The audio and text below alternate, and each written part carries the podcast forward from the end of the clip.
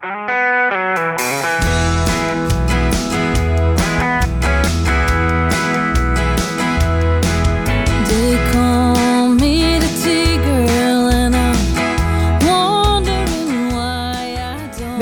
bij de Courage Podcast. De podcast waarin oud-topsporter en Olympiër Vera Koedode op zoek gaat naar verhalen achter de topprestatie. Maar wat is courage dan? Courage staat voor moed en doorzettingsvermogen. En dat is nou net de rode draad door het leven van de gasten van deze podcast.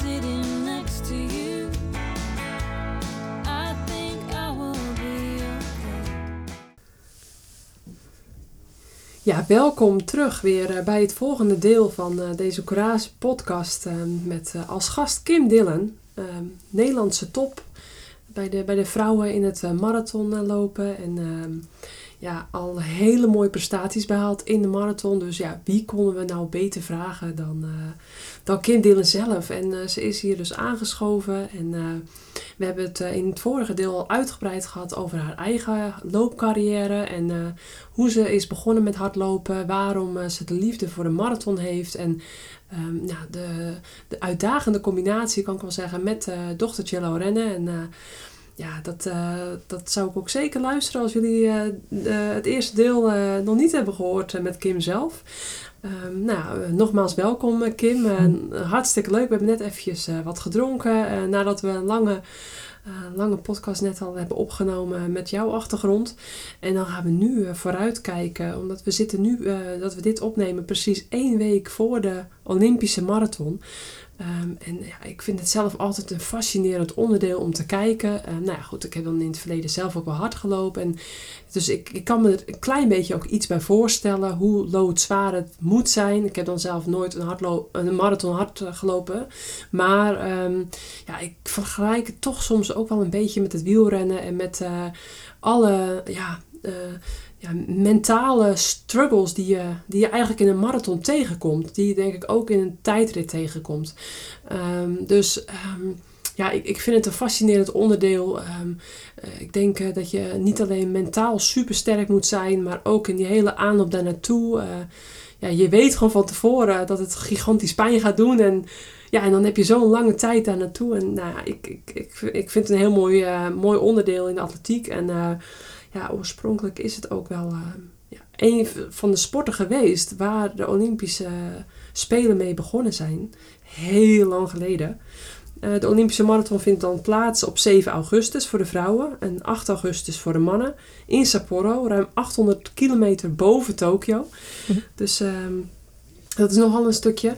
Ehm, Kim, ze zijn een paar dagen terug gearriveerd hè, ehm, in, eh, in Tokio, zei je. En daar hebben ze ook een paar dagen nog wel eh, een beetje Olympische sfeer geproefd, toch? Want het lijkt me best wel gek namelijk als je ja, de Olympische Spelen van Tokio doet, maar 800 kilometer, ik bedoel in Nederland redden we het al niet eens. Ja, ja. Ehm, dus ehm, Ja, dat lijkt me ook een van, de, van je angsten, zeg maar. Dan mag je eindelijk naar de Olympische Spelen Ja. en dan eh, word je meteen doorgevlogen naar eh, Sapporo. Ja. Eh, maak je eigenlijk niks mee van heel het Olympische gebeuren. Nou Nee. is het natuurlijk sowieso heel anders met corona, corona denk ik. Dat je, je mag eigenlijk niet bij elkaar gaan kijken. En je mag volgens mij überhaupt je hotelkamer amper uit. eh, zo lijkt het als je Instagram een beetje volgt. de charme was er al grotendeels vanaf, inderdaad. Ja, ja, natuurlijk. Het is eh, heel anders dit jaar. En ehm, ja, ze hebben in ieder geval volgens mij al twee dagen toch in Tokio gezeten.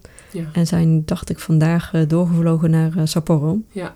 Dus daar hebben ze nog een weekje om daar te wennen. Precies, dan gaan ze En, uh, acclimatiseren. Ja, en de omstandigheden die daar toch eh, iets beter zijn dan in Tokio. Al is het nog steeds ontzettend warm. Ik had even gekeken naar de, voor, eh, ja, in ieder geval de huidige omstandigheden daar. Ja. En dan is het zo rond de start van de marathon 22 graden zoiets. Dat is wel fijn, toch? Ja, dat is voor een marathon veel Nog- te warm natuurlijk. Nog maar, wel, maar... Voor een ideale marathon. Ja. Maar het is nog wel te doen inderdaad. Ja, En dan eh, loopt het op op de dag, eh, hoogste van de dag naar 34 graden. Zo. Ja, dus maar goed, ze starten vroeg eh, natuurlijk in de ochtend. Dus dat is wel heel gunstig. Mhm. Voor ons is het dan denk ik rond 12 uur s'nachts. Ja, Dus daar kunnen we nog mooi meekijken. ja. En dus ja, laten we hopen dat dat ja, toch wel aardige omstandigheden zijn voor iedereen om ja, zijn doelen te, te halen. ja, inderdaad. Want dat is echt een hele grote factor. Hè? De, want daarom zijn ze ook naar Sapporo uitgeweken, toch? Ja, Eh, ja. en de luchtvochtigheid natuurlijk. eh, Ja. Want die zat geloof ik op 88 procent. Dus dat maakt het ook wel gewoon ontzettend zwaar. eh, Ja. ja, En dat is in Sapporo dus echt wel significant beter dan in Tokio. Ja, dat is wel iets beter dan in Tokio, Ja. ja. ja. Maar het Genoeg is, om zo, zo, eh, zo'n andere uit- uithoek te zoeken. ja, dat denk ik wel. Ik denk ook voor de gezondheid van de atleten zelf eh, heel slim dat ze dit doen. Ja, een goede Eh, keus. ja, toch? Ja. Ja. En, maar goed, het blijven nog steeds wel pittige omstandigheden, laten we zo zeggen. Ja, zo. Ja, Ja. echt heel zwaar. Ja, dus de voorbereiding is essentieel. En dan zitten ze dus nu niet voor niks dan een week al daar. Om aan de, ja, de tijdzone te, te wennen. En zouden, zullen er atleten zijn die vlak van tevoren aankomen, denk je? Dat is bijna niet te doen, hè? Ze zullen al, allemaal toch wel minimaal een week van tevoren daar... Ja, ik denk het wel. Of, of eerder nog zelf, denk ik. Ik Ja. zag dat de Belgische ploeg er al veel eerder was, bijvoorbeeld. Ja. Of sommige ploegen reizen echt in één keer af. Ja, Eh, Nederland reist echt in stukjes af. oké. Eh, dus ja, dat, eh, dat doet ieder land een keer anders. Ik weet het Ja. niet. Maar, eh, ja, Maar eh, ja, als je kort van tevoren voor een marathon... ja, ik, ik zou een weekje wel fijn vinden. Als je echt aan een ander klimaat moet wennen, zou ik Ja, wel een weekje daar willen zijn. is Ja. wel eh, echt een hele belangrijke factor. ja, ook als je op hoogtestage bent, dan, dan heb je echt wel een weekje nodig om te wennen aan de hoogte en een ander klimaat. En, Ja. ja. Ja, ja en ehm, nou, wat ik eigenlijk boeiend vond, waar ik eh, afgelopen week eigenlijk achter kwam, is dat ehm, die afstand van die marathon, die is dus 42,195 kilometer lang. Nou ja, en ehm, ik vraag me gewoon, ik, ik vroeg me altijd al af van waarom is dat zo'n vreemde afstand? En nou, toen kwam eh, mijn man ermee van, nou, nou dat zit zo, zo en zo. En toen zei ik, jeetje, dat heb ik nooit geweten. En nou ja, ik denk jullie als luisteraars dat er ook veel tussen jullie eh, mensen zitten die dat eigenlijk niet precies weten. En anders vind, vind ik het knap, want dat moet je, moet je toch echt wel opzoeken. Of je moet, zoals jij Kim, eh, eh, echt marathonloopster van, eh, van beroep zijn en, en daaruit interesse induiken. Ehm, maar goed, ehm, ik ga het gewoon even uitleggen. ehm, want ik kan het niet in een paar zinnen samenvatten. Dat, daar ben ik sowieso te lang van, van stof voor. om dat kort en bondig te doen. Ehm, maar van New York tot Londen en van Parijs tot Berlijn en van Rotterdam tot Amsterdam en Eindhoven, waar je de mar- marathon ook loopt. Hij is altijd 42,195 kilometer lang. Nou, dat is natuurlijk een gekke afstand, want je 40 of 45 of 50 kilometer is eh, nou, veel eh, makkelijker en logischer. Maar ja, een marathon is dus niet voor niets 42 kilometer eh, en een klein beetje lang, want daar zit dus een heel verhaal achter. Ehm, in, namelijk in 1896, dan gaan we heel lang terug, waren de organisatoren van de eerste moderne Olympische Spelen in Athene op zoek naar een groot evenement wat de Spelen kleur kon geven en dat tegelijkertijd herinnerde aan de glorie van het oude Griekenland. De Fransman Michel Breel eh, stelde voor om een loopwedstrijd te houden ter ere van Pheidippides. En volgens de legende rende deze Griekse boodschapper vanuit het stadje Marathon naar de hoofdstad Athene om het nieuws van de militaire overwinning op de Perzen over te brengen. Ehm, aan het einde van zijn slopende reis kon Pheidippides nog net we hebben gewonnen uitbrengen en daarna viel hij dood neer. Ehm, nou ja, toen ehm, was er Pierre de Coubertin. Daar heeft waarschijnlijk iedereen nou wel van gehoord, althans ik wel. Eh, de Franse vader van de moderne Olympische Spelen. En die zag het idee wel zitten. Het verhaal sprak tot de verbeelding. De loopwedstrijd werd ook ingepland en kreeg de naam marathon.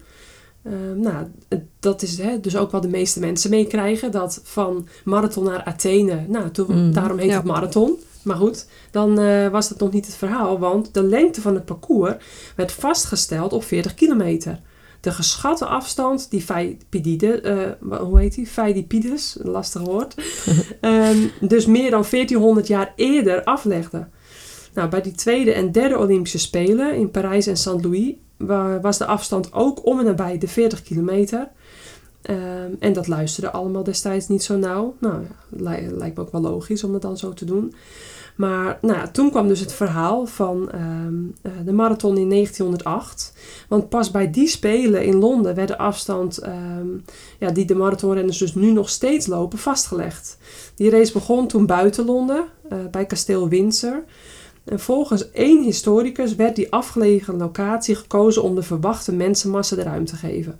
Maar volgens een ander was het weer de reden dat eh, het achterliggende ge- idee was dat de kinderen van koning Edward VII en koningin Alexandra de stad zo vanuit hun eigen kamer konden zien. Ja, zo ging dat dan vroeger. Ehm, hoe dan ook, de finishlijn van de Lon- Londense marathon lag in het Olympisch Stadion. De renners, nou of lopers, moesten bij de Royal Entrance naar, naar binnen gaan en daarna nog 535 meter tegen de klok rennen, tegen de klok in. Ehm, en eh, nou ja, voor het zicht van de koninklijke familie bleek het beter te zijn als de lopers bij de tegenoverliggende ingang binnenkwamen en dan 352 meter met de klok mee zouden lopen, om uiteindelijk pal voor de koninklijke box te finishen. Zo geschiedde en daarmee werd dus die totale lengte van het parcours precies 42 kilometer en 195 meter. Nou, en na die Londense Spelen van 1908 is die afstand nooit meer aangepast. En dus lopen atleten nu, 2021, nog steeds een marathon van 42 kilometer en 195 meter. En er is een half, en nou ja, een halve marathon is ook echt 21,0975. En niet 21. Nou, Mooi, met, met dank dus aan koning Edward VII en koningin Alexandra. Ja, ik vind het echt dat, dat, dat dit dus ten grondslag ligt aan die 42,195 kilometer. Dus dat, hoe, ehm, ja, hoe zoiets ontwikkelt, hoe zoiets ontstaat. Ja, en blijft ook al, hè? En blijft. Dus er zit echt een, een gigantische historie aan, aan die, eh, nou ja, überhaupt aan, aan de marathon aan zich. En dus hè, waarom het marathon heet dus. En, eh, Ja. En die boodschappen, die liep dus eigenlijk veel minder, toch? Dat was toch het verhaal... eh, Precies. Ja, dat is dus ook nog het, het verhaal erachter. Ehm, nou ja, dus nou, toen werd het van, nou, maar welke route liep dan die boodschapper eh Pheidippides? Ehm, er zijn namelijk twee routes van Marathon naar Athene. Eén is door de bergen en die is ongeveer 34,5 kilometer lang. Maar de andere, de meer zuidelijke route, is veel vlakker en gaat over een afstand van 40,8 kilometer.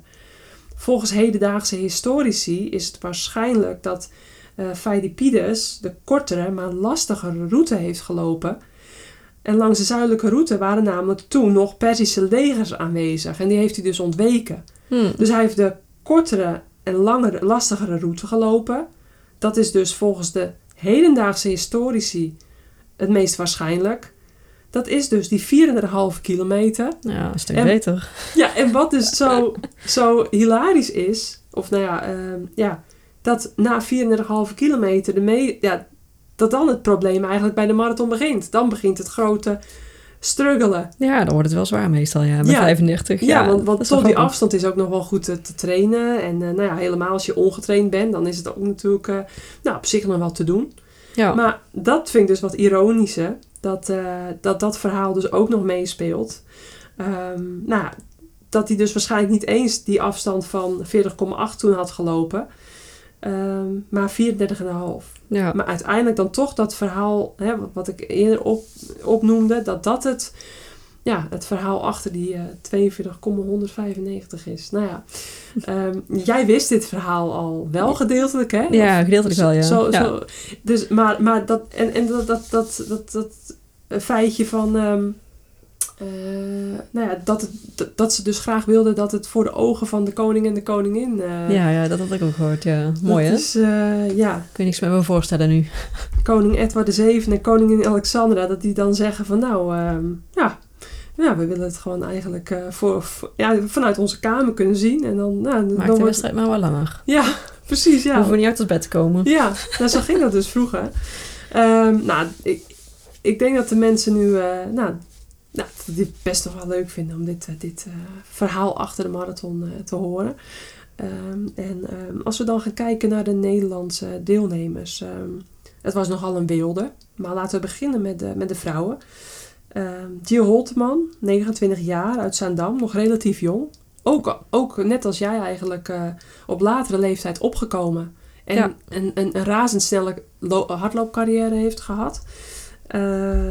Ja, Jill Holteman, ik vind het ook een bijzonder verhaal. Eh, Ze heeft in Enschede 2021, eh, dit jaar, heeft ze ehm, ja, haar snelste tijd staan. 2 uur 28, 18. Razendsnel. Ja, echt super mooie tijd. Ja, Ja. heel knap. We hebben een beetje op hetzelfde moment hebben wij besloten om, ehm, om minder te gaan werken. Of zij dan niet te gaan werken Ja, en voor de sport te gaan. Dus dat is wel heel grappig. Eh, zij ja. is advocaat en ik als accountant dan. ja, En eh, ja, dat heeft ze echt heel knap ook opgebouwd. Heel Ja. eh, gedegen, voorzichtig. ja. Heeft ze dat langzaam uitgebouwd. En ja, tot gewoon prachtige resultaten tot nu toe. Eh, ze gaat echt als een speer. ja. En niet alleen de marathon, ze heeft ook een eh 10 kilometer gelopen in de voorbereiding. Ook echt super snel. ja. Echt een enorm PR gelopen. Ja, Dus ja, die is gewoon heel mooi in vorm. En Ja. ja, ja ze- je ziet wel dat ze af en toe op de elliptico staat om, Ja, om wat te, te ontlasten, denk ik. Dat ze voorzichtig is. ja. Maar eh, daar doet ze ook hele goede duurtrainingen op. En eh, Ook preventief al op de elliptica om... eh, ja, ik denk dat ze gewoon voorzichtig is. Inderdaad, als ze wat, wat pijntjes heeft, dat Ja. ze dan Ja. die weer uit de schuur haalt. ja, volgens mij had ze hem zelfs mee naar Straks zo. Dus daar in de bergen met Ja. de elliptico lijkt me een uitdaging. Ja, Ja. Dus ja, die, ja, ze heeft gewoon hele mooie resultaten laten zien. Ondanks corona heeft ze veel kunnen laten zien. in tegenstelling tot wat andere atleten. ja. Dus eh, ja. Ze heeft de zevende tijd ooit gelopen door de Nederlandse. Ja, Knap als je zo weinig nog marathons hebt gelopen. ja, dat is echt gigantisch. Ja, ja. Echt wel... eh, is het dan combinatie... Is het dan puur talent? Ehm, wat is haar achtergrond? Eh, of, want dat, ja, het, is toch Ja. echt heel bijzonder dat je... ehm, Ze ging natuurlijk al best lang mee hè, in de topsport. Ja. Eh, ik denk dat wij een beetje van gelijk niveau waren altijd. Eh, veel tegen elkaar gestreden. ja, Eh, maar ik denk dat de rust die zij kreeg door dat werk eh, los te kunnen laten, Ja, dat dat, dat heel veel heeft gebracht. Ja. Ja. ja, dat ze echt vol voor die sport kon gaan en niet meer op tijd over de werk hoefde Ja. te zijn en die druk had. eh ja, dat is toch ook wel een eh, prestatiewereld, denk ik, waar ze in zat. ja, Eh, dus ja, dat, dat heeft haar heel veel rust gegeven, denk ik. En daarmee ook eh, tot prestaties gekomen. Ja. Dat is leuk om te zien. eh. Ja, en, en dan onze volgende deel, eh, Nederlandse deelnemster, Andrea Deelstra.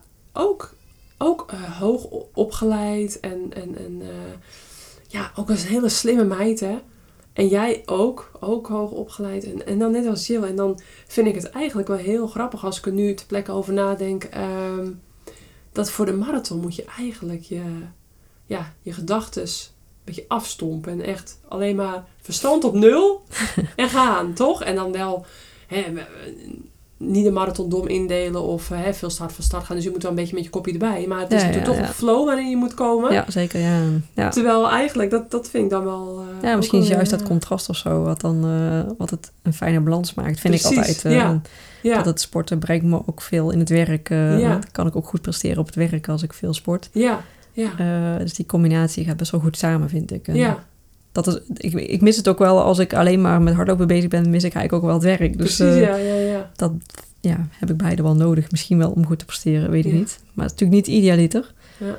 Maar eh, ja, je ziet dat bij Jill gewoon super, supergoed werkt. Ja. En Andrea werkt er volgens mij ook nog bij. Weet ik even niet eh, hoe dat bij haar er nu voor staat. Mhm. Ehm, Ja, en als we dan over Andrea gaan hebben, ehm, heeft die Valencia 2020 eh, op een paar seconden heeft ze die limiet gehaald. ja, Ook ja. al eh, heel bijzonder, want eh ja, 2.28, 28 liep ze. Eh, nou, die heeft dus 10 seconden sneller dan, dan Jill staan. Dat ontloopt elkaar niet veel. Ehm, maar ehm, ja, ja met twee seconden onder die limiet. Ja, ja, dat is Op echt wel 42, spannend. Ja. eh, 195. ja, dan moet je echt wel een eindsprint inzetten. Zo, dan die zie je die klok klok. Ja, ja. zo'n afstand komt het op zo'n eh, paar seconden aan. Ja, ja, ook super knap. Ja. ik weet niet hoe ze er nu voor staat. Ehm, ja. de lastige met corona is dat er Ja. gewoon zo weinig wedstrijden zijn dat je ook niet ziet hoe, hoe iemand in vorm is. Nee, dat is het grote vraagteken voor iedereen. Ja, Ja. maar Andrea kan altijd wel eh, enorm goed pieken. Dus eh, Ja. nou ja, we gaan het zien. Eh, Ook hoe ze met de omstandigheden kan omgaan natuurlijk. eh, ja, daar. want dat ging toen in Rio eh, minder goed. Of eh, nee, nee die, die spelen daarvoor, moet ik zeggen. Eh, Londen of... Ja, nee, vol- in welke spelen had ze eh, gelopen? Eh, Rio. in- toch in Rio. Ja, ja was in- wel eh, warm ja. natuurlijk. Ja, ja, precies. Ja, nee, ik dacht dat ze ook in Londen had gelopen. Maar die was volgens mij net gemist. Die had ze volgens mij ja, net gemist. En, eh, en in Rio toen wel Ja. gekwalificeerd. Ehm, ja, en dat, toen speelden de weersomstandigheden haar wel veel parten. toch? Ja, maar ja, ik weet dus niet of ze zich daar nu anders op voorbereid heeft. Of ze meer in de klimaatkamer eh, ge- getraind heeft. Ja. Of dat weet ik dus niet. Eh, Nee, precies. Er is vrij weinig over bekend. Dus, Oké. eh, ja. Nou, dan gaan we afwachten. Dan ben ik wel heel benieuwd. ja, Andrea Deelstra een beetje onze leeftijd. eh, 36 jaar uit, uit Wapenveld komt ze. En eh, ja, toch wel heel mooi dat we twee Nederlandse mee hebben lopen. Ja, ze gaan niet voor de medailles meedoen, hè, want dat is niet realistisch eh, met die tijden, toch? Want, Nee, nee, dat niet, denk ik. Eh, maar natuurlijk, met die omstandigheden zijn best wel uniek. Dus Ja. je, je zag ook in Doha dat sommige mensen wel excelleerden met die eh, omstandigheden. mhm. En dat je daardoor een heel ander podium kreeg. Dus Ja, het geeft ook wel weer kansen. Stel Ja, dat jij precies. echt goed kan, eh, kan omgaan daarmee, dan kun je hoog eindigen. Dus ja. ja misschien speelt het, ja, ga- gaat het gewoon een hele belangrijke rol spelen, ook voor hun. En gaan ze daardoor juist ja, echt boven zichzelf uitstijgen. Eh, Ja, kan alle kanten op gaan. de podiumplekken zullen wel voor de Keniaanse dames... eh, Toch wel net als altijd, hè? ja. Ja, meestal toch wel Ethiopië, Kenia. Ja, ja. en Ja. natuurlijk ook nog een Israëlisch uh, Sal Peter die eh, heel goed loopt. Ja, Ja. Koskai is de favoriet, hè? Ehm, Verwacht ik wel, ja. Ja, eh, heeft het wereldrecord met 2.14. ja moeder. Ja, moeder Tweeling. van een tweeling.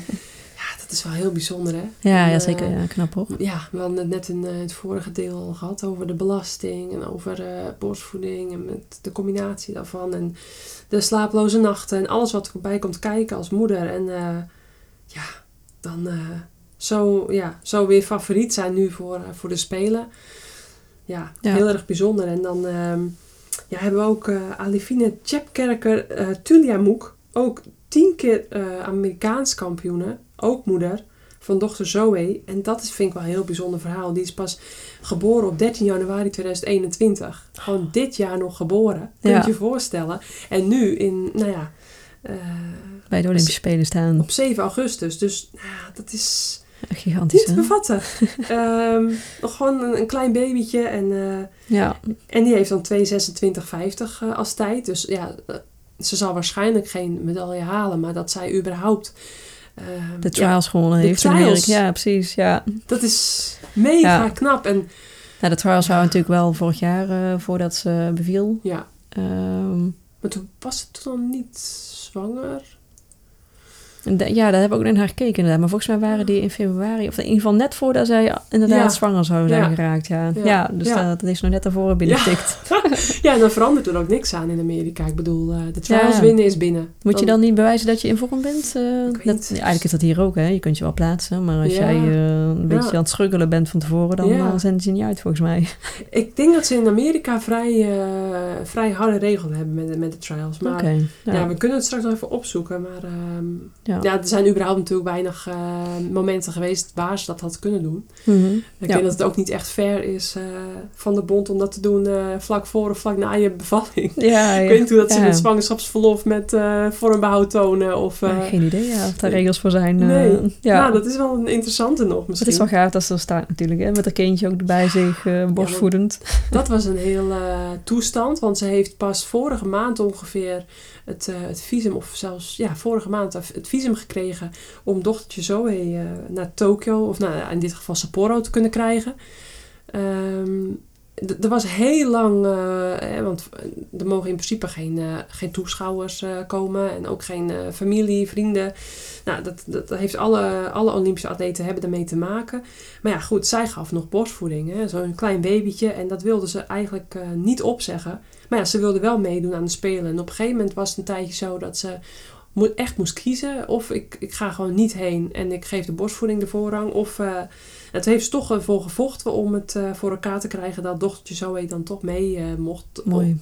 Ja, dat vind ik wel heel gaaf dat het gelukt is. En Ja. dat ze niet die, die verschrikkelijke keuze heeft moeten maken.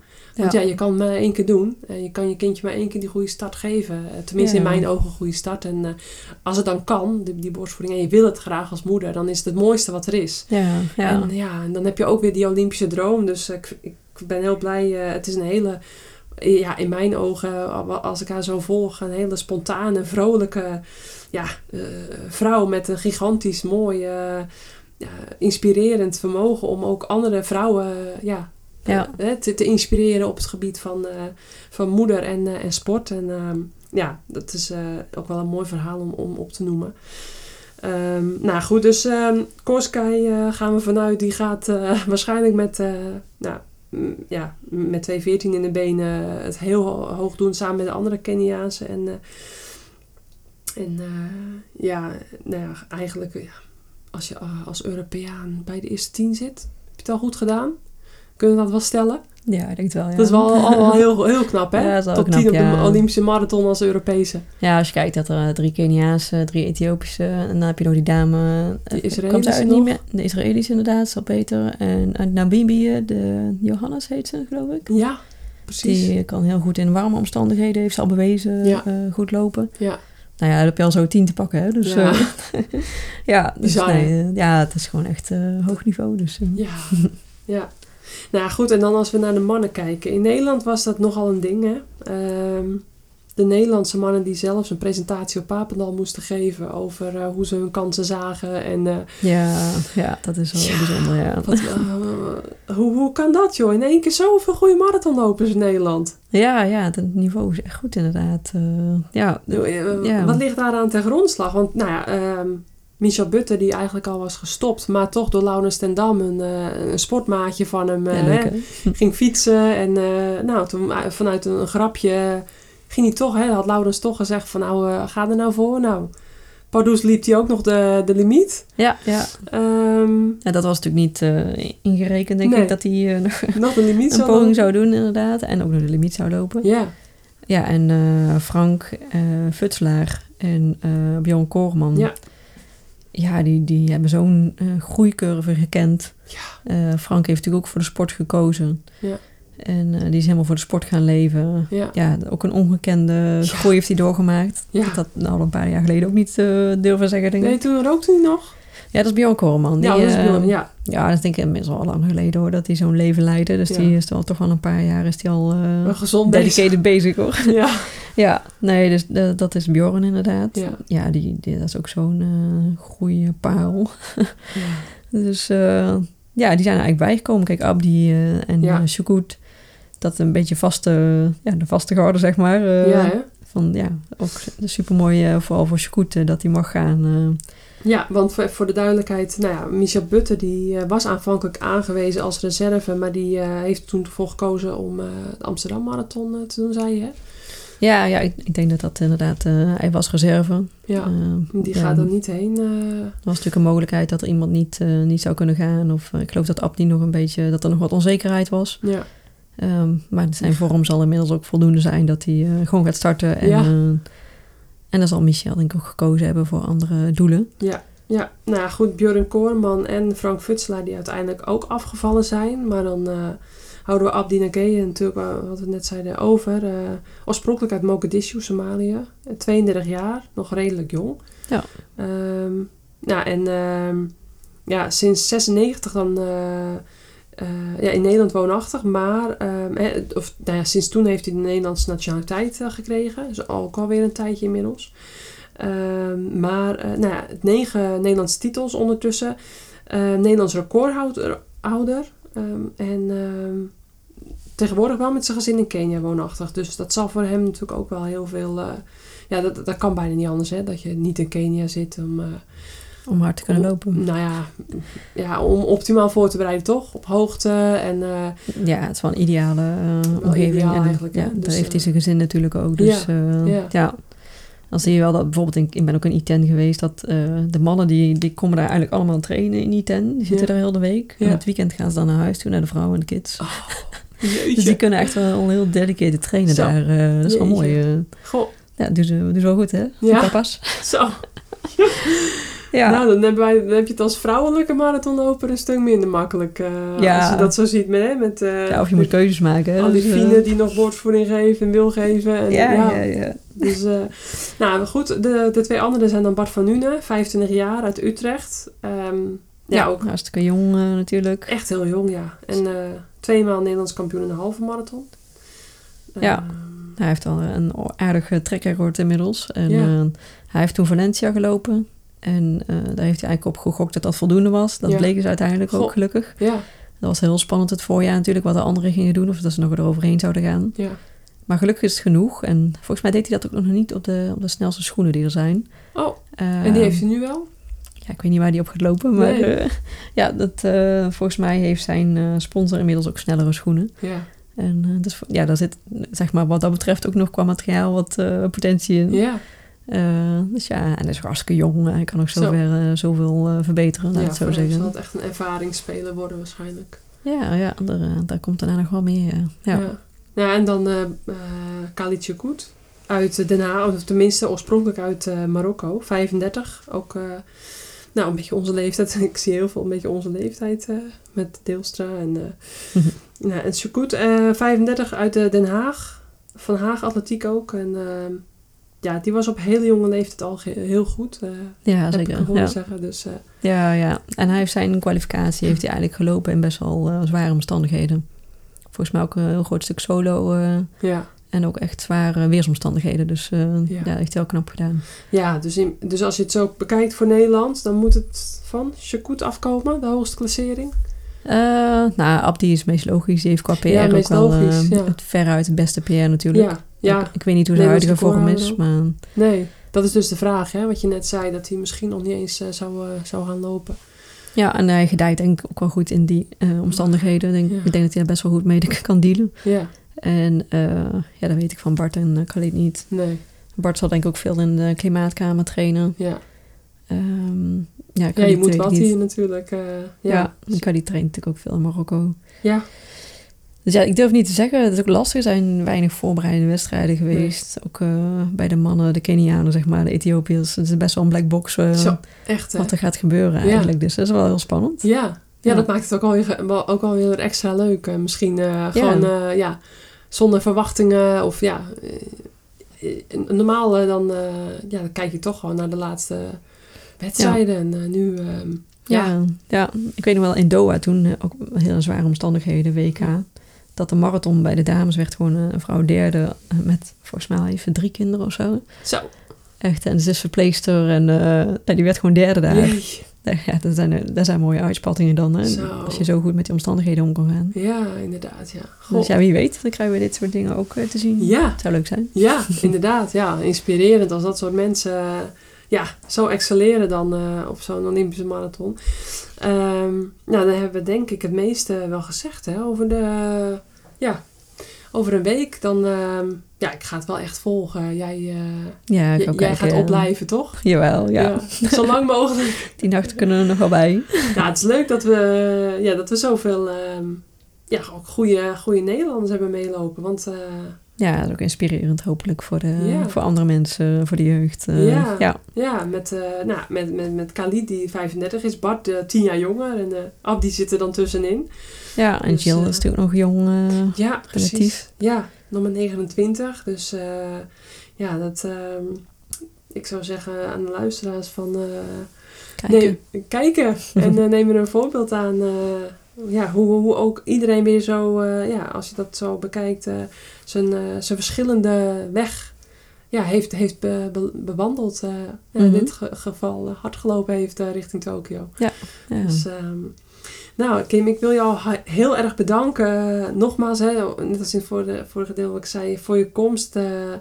Eh, ehm, ik heb, eh, ik, jij, jij fietst natuurlijk vaak, dus ik heb eh, sowieso een, een courage, Oh, is een koerspet voor je om mee naar huis te nemen. Een Eh, koersklakske. een koersklakske inderdaad, op zijn Vlaams. En ehm, ja, heeft BioRacer ter beschikking gesteld voor me. Dus nou, ja, hartstikke. Hartstikke lekker denk ik straks als je ook wel eens eh, in de regen rijdt. Dan, eh, Ja, nou, superleuk dat ik hier mocht zijn. En eh, nou, zometeen nog wat leuks mee voor in huis. Even een, een plant waar, waar je nog wat langer naar kan kijken. In plaats van een bos bloemen met, met Ja. het warme weer wat snel weg is. Tenminste, we gaan ervan uit dat het komende week alweer wat warmer wordt, toch? Want de zomer het. is nog niet echt gearriveerd. Nee, nee. Het zijn wel Ehm, lekkere trainingsomstandigheden dit.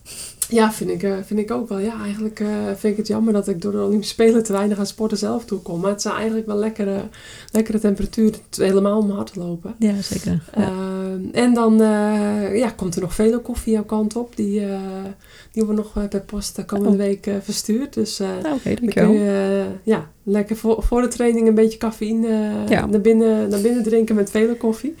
Dus dank ook aan vele koffie dat ze dat ter beschikking stellen. Ehm, nou, dan zijn we aan het einde gekomen van, ehm, nou, weer denk ik een hele leuke podcast ehm, voor de hardloopliefhebbers. eh, maar ik denk ja, ook wel voor de wielerliefhebbers om eh, misschien toch ook een keer een leuke alternatieve training te doen eh, in de winter met slecht weer. misschien een beetje geïnspireerd door jou, Kim. dus, en aan de moeders onder ons. Dus ja, heel mooi om je verhalen eh, gehoord te hebben. Nou, dank voor het luisteren allemaal. En tot de volgende keer maar weer. Eh, waar, eh, ik met een, ehm, ja, een hele interessante, bijzondere wielrenner aan tafel ga zitten. En, eh, nou, blijf, eh, het volgen, dan eh, weten jullie snel genoeg wie het zal zijn. Volgende week zit ik weer eh, met een, eh, met profielrenner. Oké, doeg!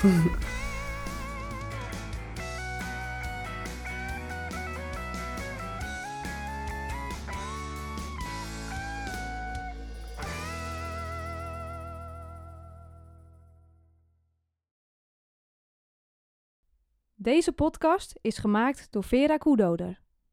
Vind je dit een leuke podcast? Laat dan een review achter op Spotify of Apple Podcasts. Je hoort in deze podcast muziek van mij voorbij komen. Wil je er meer van horen? Check dan Marianne Lichtart op Spotify.